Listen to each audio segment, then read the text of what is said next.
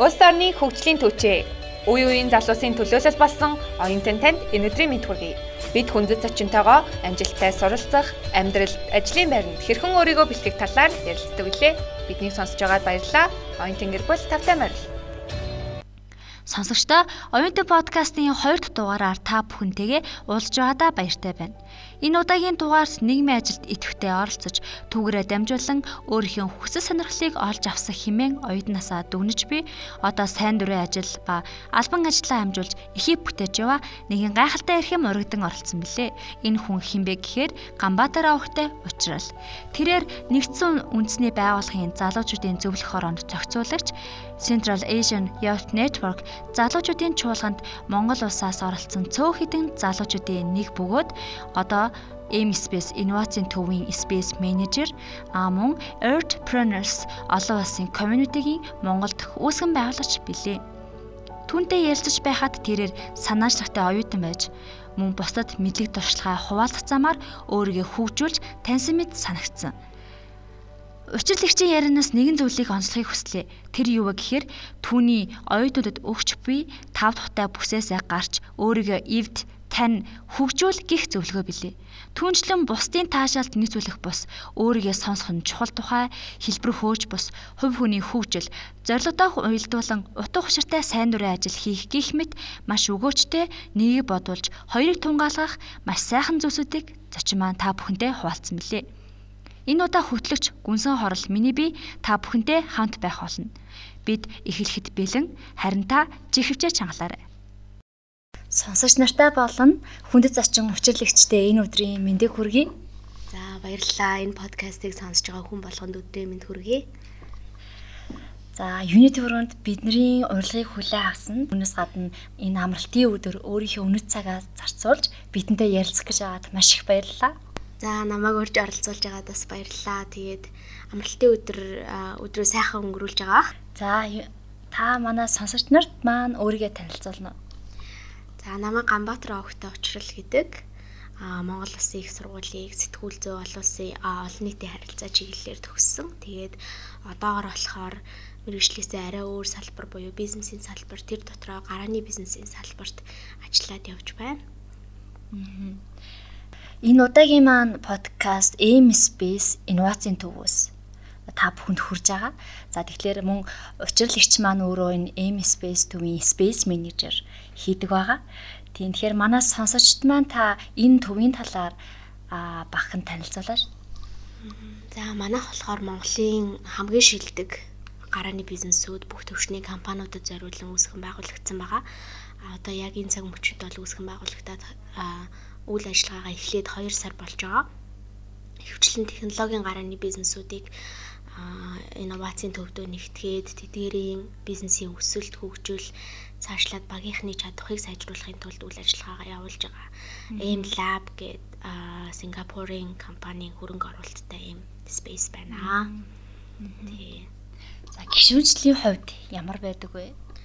Гişүнчлийн хувьд гэх юм бол бид нэр тодорхой шалгуурыг компаниудад тавиад Аа тэгээд харилцан одоо уулзаж ярилцаад бидний одоо цаашдын хамтын ажиллагаа урт хугацаанд үргэлжлэх бол аль аль талаасаа аа би биенийхээ өгж байгаа үн цэнийг үн цэн гэж харж байгаа бол тэгээ цаашаа тэрийг ашиглаад бизнесээ илүү хөгжүүлээд явах одоо гарааны бизнесүүд байх юм бол нөгөө талаас тэр бизнесүүд нь манад орж ирээд бидний бас үн цэнийг нэмэгдүүлэх байх юм бол ер нь бол хамтарч ажиллах бүрэн боломжтой. Аа гişүнжлийн хувьд оюутнуудын одоо coworking space дээр суух ч юм уу тийм боломж байдгүй.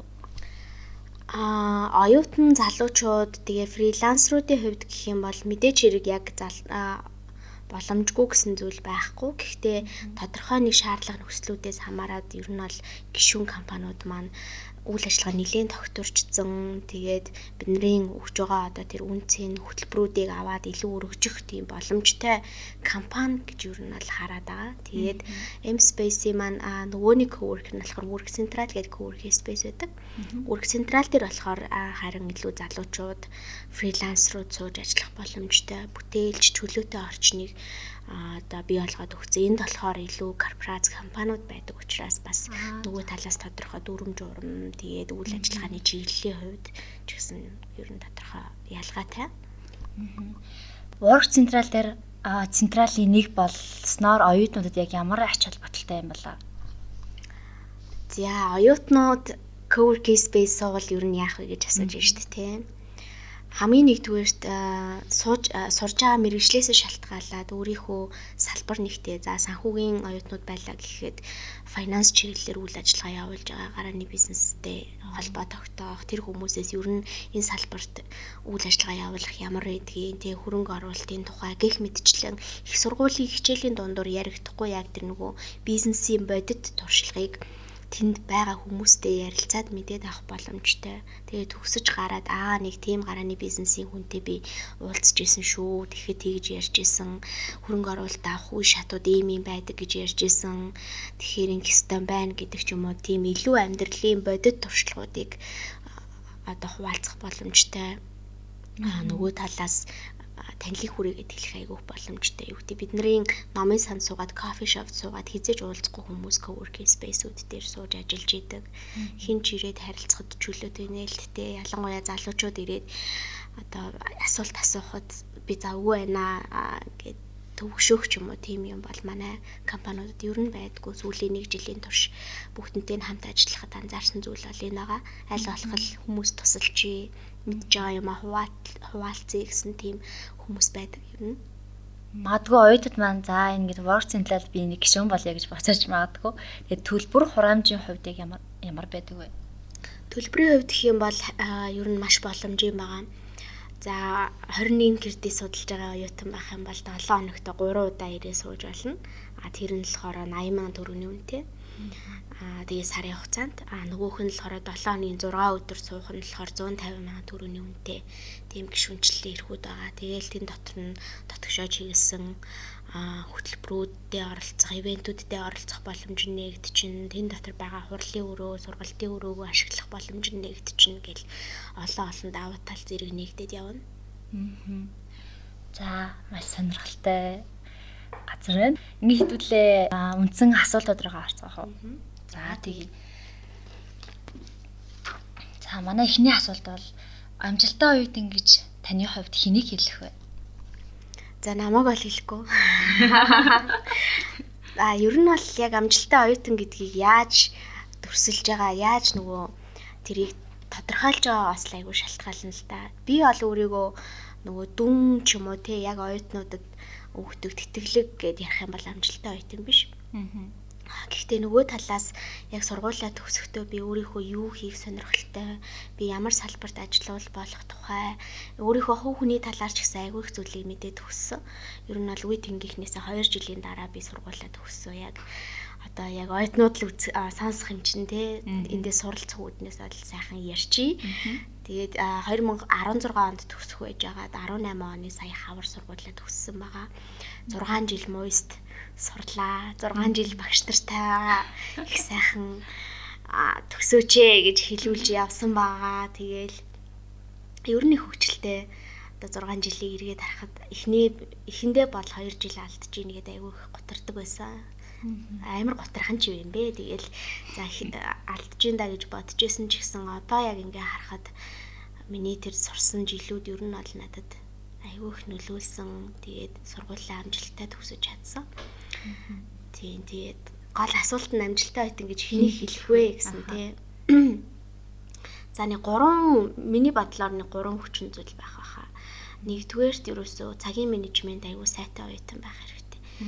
Оюутан байх хугацаанд бол бүх юм ингээл нэг л эмх замбраагүй хичээлдээ яваал өөр илүү дотор хийх юм бол өөрийн сонголт л идэг шүү дээ. Тэгэхээр цагаа амар сайн менежлээ даалгавраа хийх үедээ хийгээд тэгээд одоо та чи гоё подкаст хийгээд ч юм уу те өөрийнхөө нийгмийн оролцоог хангаад явж чадж байгаа бол тэр амжилттай оюутан.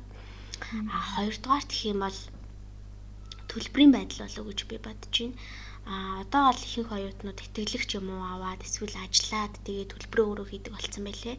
Ажиглаад хахад тэгэхээр яг уу хэрвээ чи сургуулиасаа эсвэл ямар нэгэн сан ман газраас тэтгэлэг авч байгаа бол эцэг хийхээ нуруунд дээрх ачааг чи төлбөр гэдэг зүйлээс хөнгөлж чадж байгаа бол тийм чи бол амжилттай оюутан. За 3 дугаарт гэх юм бол аа сурж байгаа мэрэгжлийнхээ тухай одоо илүү сайн ойлголттой тэр мэрэгжилтэд бүр дурлаад зөвхөн хичээлийн багш нарын одоо зааж байгаа сэдвээс гадуур юу гэдэг түрүүний хэлсэнчлэн тэр co-working space-үүдээр явдаг ч юм уу янз бүрийн хүмүүстэй уулзах төрөл бүрийн одоо сонирхлын бүлгүүдтэй нэгдэх клуб дэлсэх тий гих мэдчлээ ингээд мэрэгжлийнхээ цар хүрээг багш нарын их сургуулийн өгж байгаа тэр мэдлэгээс илүүтэйгээр өөрөө бас нөгөө нэг ухаж сайн судалж явах юм бол тэр амжилттай оюутан гэж хувьдаа одоо гурван юм тодорхойлт өгч байна да. Оюутан нас гингүүд ханы толгойд шууд ингэж буурж ирдэг дурсамжтай нь юу вэ? За өглөөний 7:40 хичээл шууд орж ирдэ шүү. Би нөгөө төрөлхийн тим юу төрөлхийн л юм шиг байгаа. Нойрмог хүн баггүй? Тэгээд ингээд амар унтах дуртай. Аа тэгээд 740 хичээл ингээд 1-р курсын 740 хичээлүүд миний ингээд зүрх сэтгэлд ийм толб болж үлдсэн байдгийг амар хэцүү байдаг байсан. Ялангуяа эхний семестр ингээд яг багшийнхаа өөдөөс ингээд харж уулын сэтгэлээрээ хүрхий айгүй идэвхтэй хамгийн урд суудаг. Тэгээ багшийнхаа өөдөөс харж сууж агаад ингээд унтаад нүдээ нээгээстэйг ингээд унтчихийдэг байсан. Тэр бол амар хэцүү. Яг хөвгөлтэй нөх юм бол тэр аа нөгөө талаас тийм сургуулийнхан маань байдаг байсан. Ялангуяа яг 2012 онд ингээд хамт элсэж орж исэн нөгөө дэгдэхээ байхдаа хамт орж исэн залуучуудаа залуучууд шууд одоо санаанд ордог ингээд бүгдээрээ жоохон 17 16 7 8 хүүхдүүд орж ирээл тэгээл яг нүдэн дээр ингээд 20 гарцгаагаад mature болно гэж ярьдэн штэ. Том хүн болцгоогоол ингээд төсөж байгаа. Тэр тэр бас хамгийн түрүүнд бодогддог үе тэнгийн найзууд маань айгу түрүүнд санаанд ордог. Тэгээд 740 хичээлүүд болоод яг тэр хичээлүүдийг зааж исэн багш нарын маань царай олдоход санагддгийг. Та одоо яг хичээл дээр ингээд унтах гал шүү дээ. Тэгвэл яг өөрийгөө яг яаж ингээд сэргээж чаддаг вэ тэр үедээ? Тэр трикээсээ хоолцно. За ер нь аль тэгээд бодно штэ. За чи 7:40-өөс ингэж эрт босч ирчээд унтаж болохгүй гэд бодол хамгийн түрүүнд орж ирээл. Тэгээл аль болох нөгөө идэвхтэй ах гээл багшийн яриаг ингээд сонсоод Тэгээл урд сууд суудаг нь бас айгүй болдог байсан. Бүр хайн суучих юм бол бүр нам унтаад баг хөрхөрж мөрхрээд унтдаг шүү дээ. Урд суухаар багшийн өөдөөс харсан болохоор яалтаж аргагүй. Тэгээл нэг багшийнхаа ярианаас сонирхолтой поинтуудыг ингээл гинт аа нэр эн чинь юм биш тэгээл ботоол нойроо сэргийгээл тэгээл яг ихний нэг цаг л тэгдэг байсан л та. Тэгээл цаашаа гайгүй уусаа нисэн цаг маг болоод тэгээл байгалийн яваараа сэргээл явчихж байгаа юм л та. Аа та сая хийсэн шүү дээ. Би яг ингээд а оюутны 4 жилээсээ миний гол авч чадсан зүйл нь юу гэхээр би өөрийгөө их таньсан, өөрийнхөө хүсэл сонирхлыг олсон гэж хэлж байсан. А оюутны 6 жилээ гэхгүй. Тэгэхээр яг өөрийн хүсэл сонирхлоо хэрхэн олж нисэн бэ? Тэрэнд юу нөлөөлөв? Аа, яг оюутан болоод тийм цаанаасаа мэдрэмж төрсөн гэх юм уу? Одоо сайн мэдэхгүй байна тухай үедээ санахгүй. Хичээлээс гадуур ингээд ямар нэг юм айгу хиймэр санагддаг байсан. Ерөөсөө а эхний нэг хэдэн сартаа гэр сургууль гэр сургууль хийж явж агаад энэ юу нь биш байна? Өөр юм хийх хэрэгтэй гэдэг ингээд цаанаас нэг юм ингээд хатгаад. Тэгээд а юу хийж эхэлсэн? Хамгийн анх сайн дурын ажил хийж эхэлсэн байхгүй өөрөө тэрийг яагаад энэ Монголын залуучуудын холбооноос холбоон дээр очиод хинээр ч юм бэ дамжуулаад очиж исэн юм аа. Тэгээ би ингээд танад нэг клуб нэгээд англи хэл үнгүү заяа гэд. Тэгээд English club English ямар English club билээ тийм нэртэй аа нэг 40 50 орчим хүнд ингээд 7 хоног болгоо англи хэл үнгүү заадаг speaking тэгээд шинэ үг цээжлэх мэжлэх юмнаа заагаад нэг улирал явсан байдээ. Тэгээл аа за за би юу нэг ингээд өөрөө юм санаачлаад хийх юм бол болох юм байна, чадах юм байна, энэ ч айгу гоё юм байна гэдэг мэдрэмж төрөөд. Тэгээд ер нь бол сайн дурын ажил айгүй хийдэг байсан. Оюутан байх хажуугаар ерөөсөө хичээл номноосоо хоцрон барин, таслан барин, зовон барин хаяа сайн дурын ажиллаа хийгээл багш нар энэ нэг нийгмийн идэвхтэй хүн байдیں۔ гэл намайг тэгээд яждаг байсан. Хаяа тоглоом шахуу хийгээл хаяа ууралж үзэн чи одоо хичээл номоо сайн хиймээ гэл дүн гарах үеэр чинь.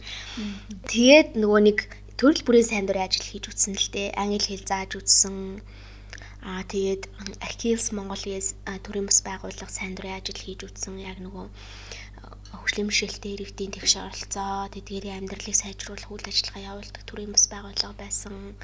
Аа тэгээд дахиад нэгдсэн үндэсний байгууллагад бас залуучуудын зөвлөх хороонд ажиллаж үтсэн бас л сайн дурын үндсэн дээр гих мэдчлээ энэ олон зүйлийг тэрнээс гадна ч бас олон юм байгаа. Тэгэл олон юм хийж явахдаа ерөөсөө өөрийнхөө би юу хийж чаддгийм бэ? Би хүмүүстэй яаж харилцдгийм бэ? Энэ энэ нийгмийн асуудал миний сэтгэлийг хамгийн их хүнддэг юм байна да гэдэг зүйлийг ингээд тэр олон хийж үзчихсэн юмнуудаасаа мэдэж авч ирсэн. Тэгээд яг 3 жилийн өмнө анх бас юу яагаад агаарын бохирдлын эсрэг нэг workshopт бүртгүүлээд нөгөө нийгэм идэвхтэй юм болохоор явж байгаа нэг тийм workshop болоо нээсэн. Тэгээ тэрэндээ яваад 10 жилийн хүүхдүүдэд бас агаарын бохирлын тухай сургалт энэ төр ордог байсан. Тэгээл агаарын бохирдол гэдэг чинь бидний эрүүл мэндэд ийм юм бэ шүү гэдгийг ингээл мэдэж аваад одоо бол хүмүүс юу гэдэг өнгөрсөн жил энэ жил ингээл агаарын бохирдол гээл гинт шуугаж эхэлж яхад тэр үед нөгөө нэг өөрийнхөө тэр нөгөө сониуч зангаас болоод аль 3 жилийн тэртээс маск зүгээд ч юм уу тий хүмүүст ингээ яриад одоо гэрээхэндээ бүгдэнд нь маск зүглэдэг болцсон ч юм уу. Тийм болцсон. Тэгэхээр эндээс юу хэлэх гээд байна вэ гэхээр юу гэдэг өөрийгөө таньж мэдсэн тэр процесс нь чатгаасаа чадахгүйгээ хийж үтсэн. Бүх зүйлийг би сайн хийж чадаагүй, бүх зүйлд нь би юу гэдэг хийж үтсэн бүх зүйлдээ дуртай байгаагүй. Аа Гэхдээ ер нь ихэнх дуртай зүйлийг хийж исэн л дээ дургу байсан ч хаашаа нэг тийм за энэ миний явах зам биш байна гэх те энэ тийм дадлага хийж үзэж явахтаа ч юм уу мэдэрдэг байсан. Тэгээд одоо тэд нар маань миний өнөөгийн шийдвэр гаргах төвшин а дараа дараагийнхаа амьдралыг төлөвлөх байдалд айгүй нөлөөлж байгаа. За чи бол одоо юу гэдэг те улс төрийн хүн бол биш юм бэлээ те. За чи бол тийм а юуны амар гоё бичдэг сэтгүүлч бол бас биш юм байна гэдэг ч юм уу. Ингээ тэр болгоныгоо өөрөө хийж байгаа юмнуудаасаа мэдрээд мэдээж хэрэг зарим хүмүүс аа хэлж өгөн за чи нэг иймэрхүү төрлийн хүн юм уу да би тэгэж анзаарлаа гэл. Тэгэхээр өөрийгөө таньж мэдэх процесс бол ерөөсөө маш их хүсэл тэмүүлэлтэй холбоотой байсан хөгжих хүсэл тэмүүлэл. Тэгээд тууштай явсан нэг юм ихлүүлсэн бол би тэр газараа хамгийн багтаа ер нь бол 2-оос 3 жил байдаг. Доктортой байхыг хичээдэг Тэгээ тууштай байхыг хичээдэг, маш бүтээлж байхыг хичээдэг, эрч хүчтэй байхыг хичээдэг. Эргээд энэ нь юусоо надад л хөрөнгө оруулалт болдог. Тийм аа. За зарим оюутнууд маань сайн дурын ажил гингүүд за би энэ тэтгэлэд зориулж би өөрийнхөө CV-г баяжуулахын тулд ингээд айгүй олон олон олон газар олон сайн дур ажил хийх ёстой гээд нэг тийм үзэл байгаад байдаг. Тэгээ би тэн дээр бас аа жоохон шөмжлөлтэй хандаг гэх юм уу. Би бас эхлээд нь 11 дугаар ангиас эхэл сайн дурын ажил хийж эхэлчихсэн. За тэгээд эхэндээ олс тэ энэ тэнд очил хаана ингээд ивент харж байгаа л хаана сайн дурын ажил ингээд очиод очиод явууллаа л та. Тэгэл аа яг үнцэнтэй байсан мó гингөө яг хийж байгаа зүйл нь болохоор би жишээ нь зүгээр шаар үлээх ч юм уу нэг тиймэрхүү юмуд хийжсэн тэр үедээ. Тэгээ сүүлдээ ингээд харсан чинь би тэндээс өөрөө их цул сурч авсан юм гэхээр нэг тийм байгаагүй. Тэгээ ингээд явцдаа би юу гэж ойлгосон бэ гэхээр нэг газараа доктортой ажиллах хэрэгтэй юм байна. Тэгээд тэрнээс гадна одоо тэр тэтгэлгийн шалгуул шалгаж байгаа хүмүүс нь олон газар ажилласан байна гэхээсээ илүү чи яг эндээс юу сурч авсан бэ гэх юм уу те урт хугацаанд хэр удаа одоо тэр газар ажилласан юм бэ гэдгийг яг сонирхтыг юм шиг санагдсан. Та энэ тухайд яг юу гэж боддог вэ? Мм за би оюутан болоод яг үнэ хэлэх юм бол эхний нэг жилдээ яг нөгөө нэг бүр гадагшаа сурна гэж шийдсэн байсан. Тэгээд тэрэнд зориулж сайн дурын ажил хийх хэрэгтэй байна гэдгийг мэдчихсэн. Тэгээ сайн дурын ажил хийж эхэлж исэн. Аа тэгээ явандаа өөрөө тэрэндээ нөгөө дурлаад зөвхөн нэг юмд зориулж би хийхээ юусоо бодлоод өөрийнхөө тэр сул талуудыг нөхөх гээд өөртөө байхгүй байгаа чадварыг олж авах гээд хийж эхэлсэн. Одоо ч гэсэн ер нь бол сайн дурын юмнууд хийдэг тэр болгоныг би юу гэдгийг итгэлэгт стил нөгөө нэг гадагшаа сурах төлөвлөгөө манд байгаа. Гэхдээ тэрэн зориулж хийхээ болцсон. Аа амьдралын бусад одоо чанараа тий өөрийнхөө бусад чадваруудыг сайжруулахын тулд хийдэг болсон. Тэгэхээр сайн дурын ажил хийхгээ сонирхож байгаа залуучууд оюутнууд байх юм бол түрүүн чиний хэлдгээр те нэг газараа доктортой ажиллаж үзэх хэрэгтэй. Тэр газараа байж байгаа олон төрлийн юм хийж үзэж болно. Тэгээ гол нь хамгийн ихний зорилго чинь тэр тэтгэлэг яагаад чамаа сайн дурын ажил хүсэж байгаа юм бэ гэхээр зүгээр л энэ хүн өнөөдөр юу гэдгийг өөрийнхөө цаг завыг зарцуулж зөв зарцуулж чаддаг уу? Энэ хүмүүс өөрийнхөө үн цэнийг мэдэрч чадсан уу? Мэдэрч чадсан үн цэнээ бус бусадтай яаж хуваалцж гин гэдэг ч юм уу. Хүний тухайн нөгөө чадвар үн цэний асуудал яригддаг болохоор юу гэдэг нэг тийм хэлбэр хөөж нэг л юмд зориулж хийсэн сайн дурын ажил бол тухайн үедээ окей accepted байж болно. Гэхдээ урт хугацаанд бол яг бүх зүйл бол тийм байдгүй маа. Тэ тэгэхээр юу гэдэг сайн дурын ажил хийж байгаа бол тэрийгэ зөвхөн тэтгэлгээс гадна хувь хүнийхээ сонирхол хөгжил ахиад 5 10 жилийнхээ зорилготой ч гэсэн уялдуулах юм бол илүү нэг сумаар хоёр туулаа буудсан болно шүү гэж юу нь бол хэлмээр байна гэх юм уу да. Тэгээд яг өөрөө ч гэсэн нөгөө олон сайн дурын ажил хийгээд олон сайн дурынхныг одоо чиглүүлж удирдах За удирдах нь ч юм дэ менеж хийгээд тэгээд бас хүмүүсийг тийм сайн дурын ажил сонгон шалгаруулж авч ирсэн туршлага байгаа болохоор яг нэг тийм хандлагатай хүмүүс бас мэдээж байдаг. Гэхдээ харьцангуй цөөхөн байгаад байсан болохоор одоо сайн дурын ажил гэдэг зүйл дээр илүү тийм доктортой хандлагатай үзэл сурталтай болоод энийг а юу гэдэг бүр боловсролын хэмжээнд ч юм уу тий авч үзэх одоо шаардлагатай юм шиг санагддаг сургуулийн кредитэд нэг кредит нэг семестрт 3 кредит сайн дурын ажлын кредит тавиал өчгöd тэрийг хүүхдүүдийн харах үнцэг шал өөр болно тий гих мэдчлээ. Ерөөсөө сайн дурын ажлаас сурах юм авах юм айгүй их байдаг болохоор энийг илүү чухалчилж авч үзээсэй. Зөвхөн 1 2 хүрээнд тэтгэлэг өөр юу гэдэг бусад шаардлагад нийцүүлж авч үзэхээсээ илүү илүү өргөн цар хүрээнд хараасай. Өөрийнхөө хүсэл сонирхолтой нийцүүлээсэй. Урт хугацааны зорилготойгоо нийцүүлээсэй гэж юу нь бол боддог. Таны яг сайн дурын ажил хийж эхэлсэн түүхийг сонсоод та ингэж өөрт байгаа зүйлийг бусдаа хуваалцах замаар өөрийгөө ингэж олж нээсэн юм шиг санагдлаа л да. Аа. Ер нь бол өөртөө байгаа нөөц болцсон дээр л суурилж хүн юм хийжтэй тий. Өөрөө юучгүй байгаа бол бусдын нөөц болцсон дээр суурилж хийн. Тэгэхээр трийг аягүй сайн мэдтгэл ах хэрэгтэй. Окей, би өнөөдөр юу хийж чаддаг вэ? Би юунд туртай билээ гэдгийг мэддэг хүн бол за тэгвэл би тэр өөрийнхөө өөртөө айдал сонирхолтой хүмүүсийг нэгтгээд аа бүжгийн клуб нээчи гэл те а би хилэндээ сайн бол би өнөөдөр хэл сурч чадахгүй байгаа хүмүүст өөрийнхөө сурсан жохоо юмыг хэлээд өгчий гээл. Ерөөсөө л бүх юм өөрөөс эхлэлтэй. Аа ерөөсө дотроосоо л амар сайн асуух хэрэгтэй. Би юу чаддаг, би юу хүсдэг, хүмүүс юу хүсдэг, хүмүүс юу чамаас хүлээж ийн гэдэг зүйл бол ихний асуулт биш. Эргээд яг энийг харж барьж явах юм бол урт хугацаанд 5 3 мурун жилдээ ч юм уу тий 10 жилдээ өөрөө хэцүү байдалд орно. Өөрөө хинж биш болж хувирч магадгүй. Тэгэхээр бусдын таашаал нийцүүлж биш өөрийнхөө нүүц болцсон дээр өөрийнхөө хүсэл сонирхол дээр нийцүүлж юмыг эхлээд хийж үзэх хэрэгтэй.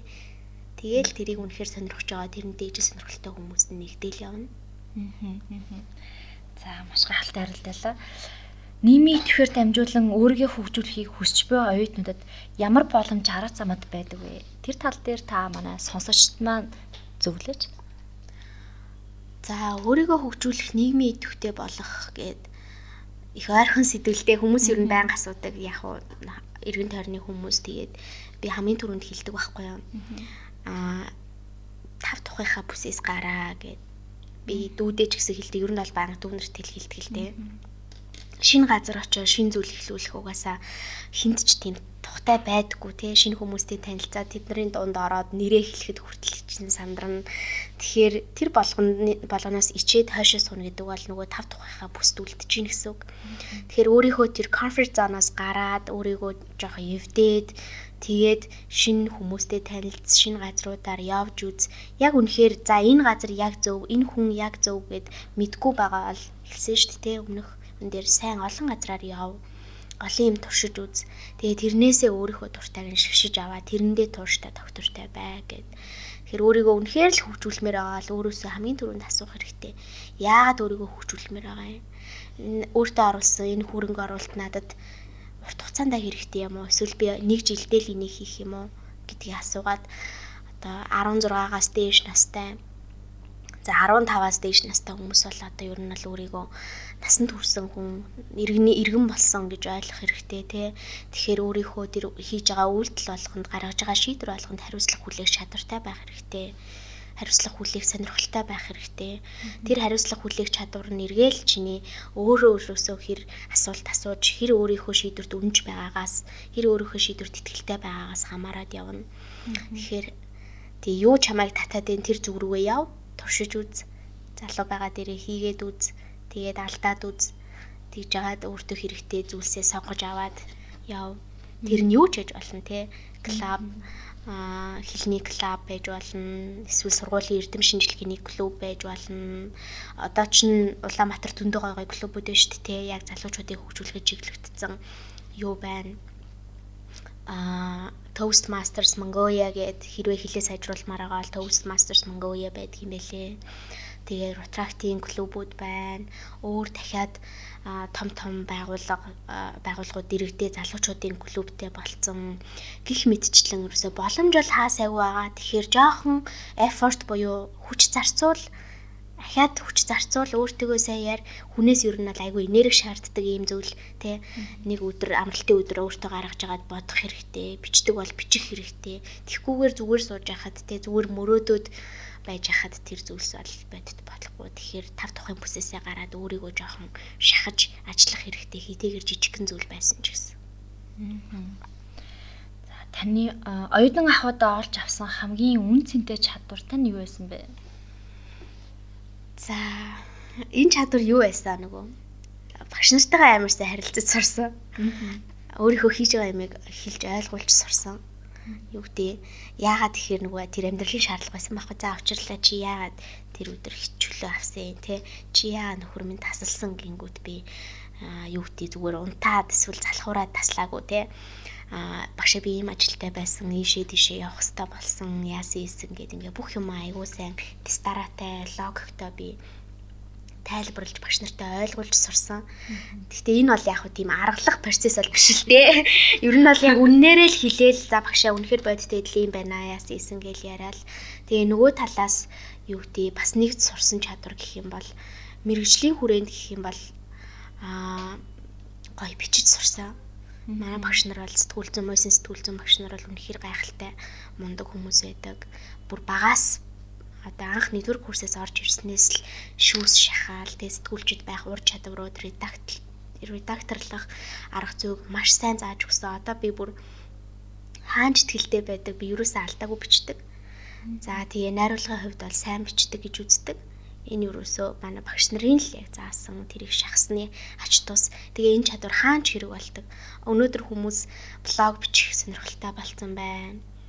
Тэгээд өөр юу гэдэг бизнесийн хүрээнд ч гэсэн өөрийнхөө үйл ажиллагаа гоё олон нийтийн сүлжээнд гоёор тайлбарлаж бичих шаардлага хэн бүхэн тулгардаг болцсон хэн бүхэн сошиал медиа хөтэлдэг болцсон тэгэхэд энэ сошиал медиа хөтлөлттэй тэр блогийн контентын чадварыг бол их сургуульд байхдаа бичих бичгийн төвшөнд бол эзэмшсэн гэж үздэг. Мэдээж хэрэг илүү мэрэгчлэрээ ажиллаад практис практик чадвар байхгүй ч гэлээ нэг монгол хүн байна да.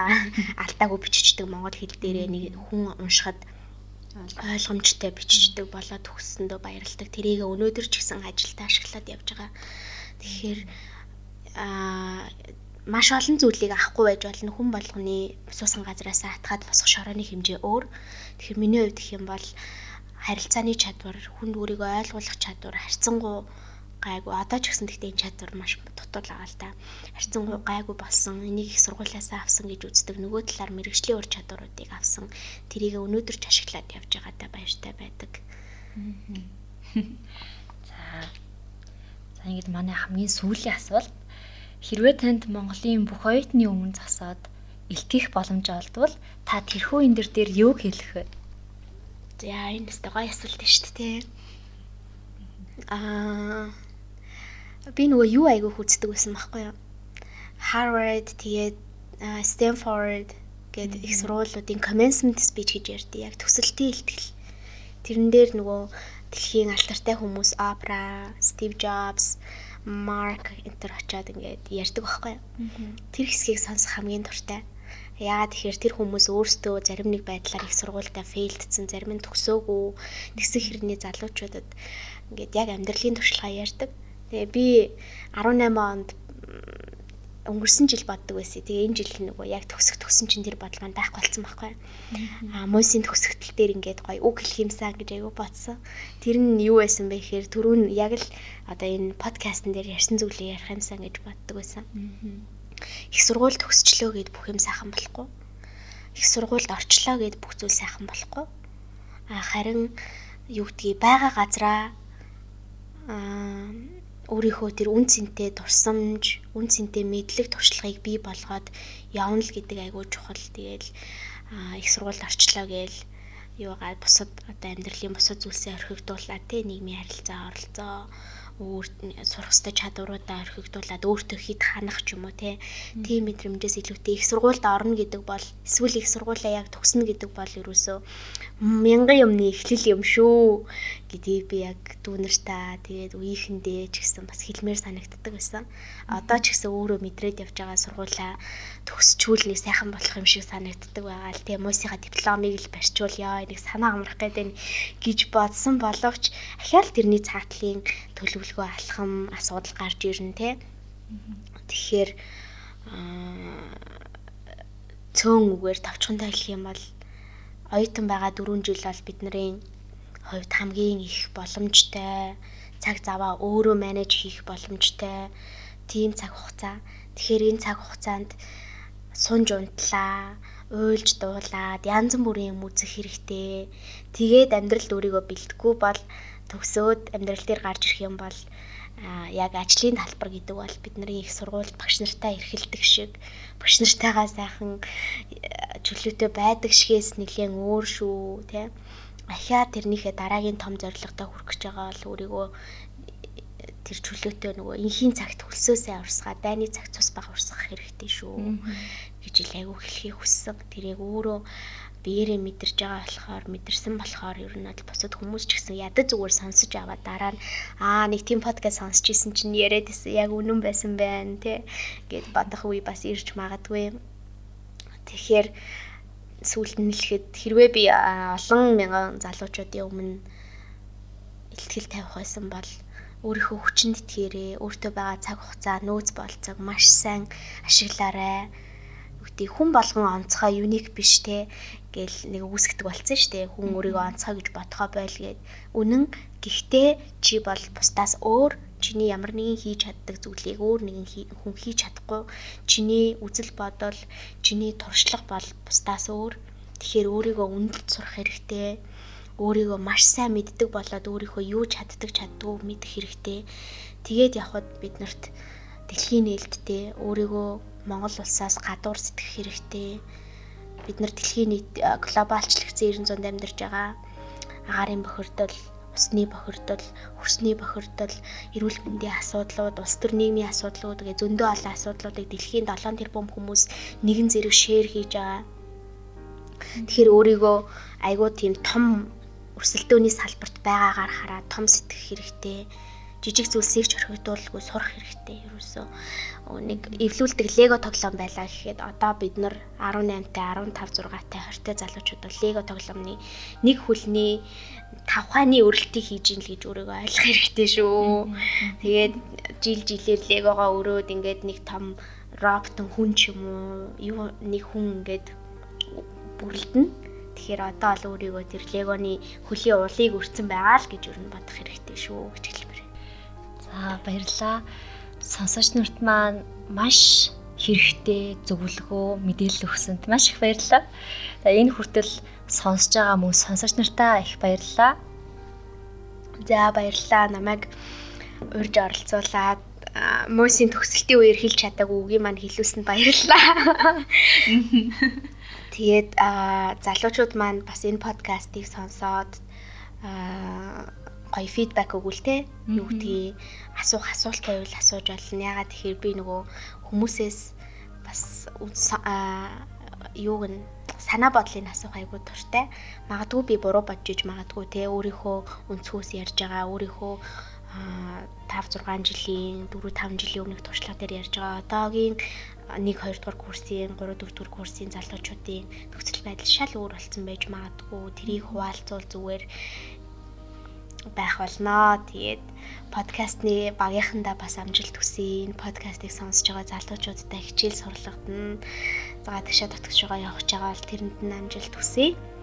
За маш их баярлалаа. Аа таны эх 7 хоногт бас маш их амжилт хүсье. Сайхан өнгөрүүлээрэй. Баярлалаа. За за баяртай. Энэ хүрээд оюутан подкастны 2 дахь дугаар өндөрлөж байна. Учирлэгчтэй өрнүүлсэн маш гайхалтай халуун дулаан сонирхолтой яриа маань танд таалагдсан гэдэгт итгэлтэй байна. Уг подкастыг сонсоод тав тухтай бүсээсээ гарч өөрийгөө эвдэж, шинэ ганцруудаар аялах, шинэ хүмүүстэй танилцах, олон зүйл туршиж үзэх. Түүнээсээ дуртай зүйлсээ шигших сэтлийг танд төрүүлсэн гэдэгт эргэлзэхгүй байна. Бидний яриа танд таалагдсан бол Оюутан Монгол подкаст Facebook хуудсанд лайктарч биднийг дагаарай. Мөн подкастыг маань түгээж, шеэр хийн, оюутан дүүдээ, хүүхдтэй, найздаа санал болгоорой гэж та бүхнээс чин сэтгэлээсээ хүсэж байна. Хэрвээ танд ямар нэгэн бодол, сэтгэл төрсөн бол бидэнтэй мөн цочинтай маань хуваалцаарай. Дараагийн дугаараар дахин уулзлаа. Түр баяртай.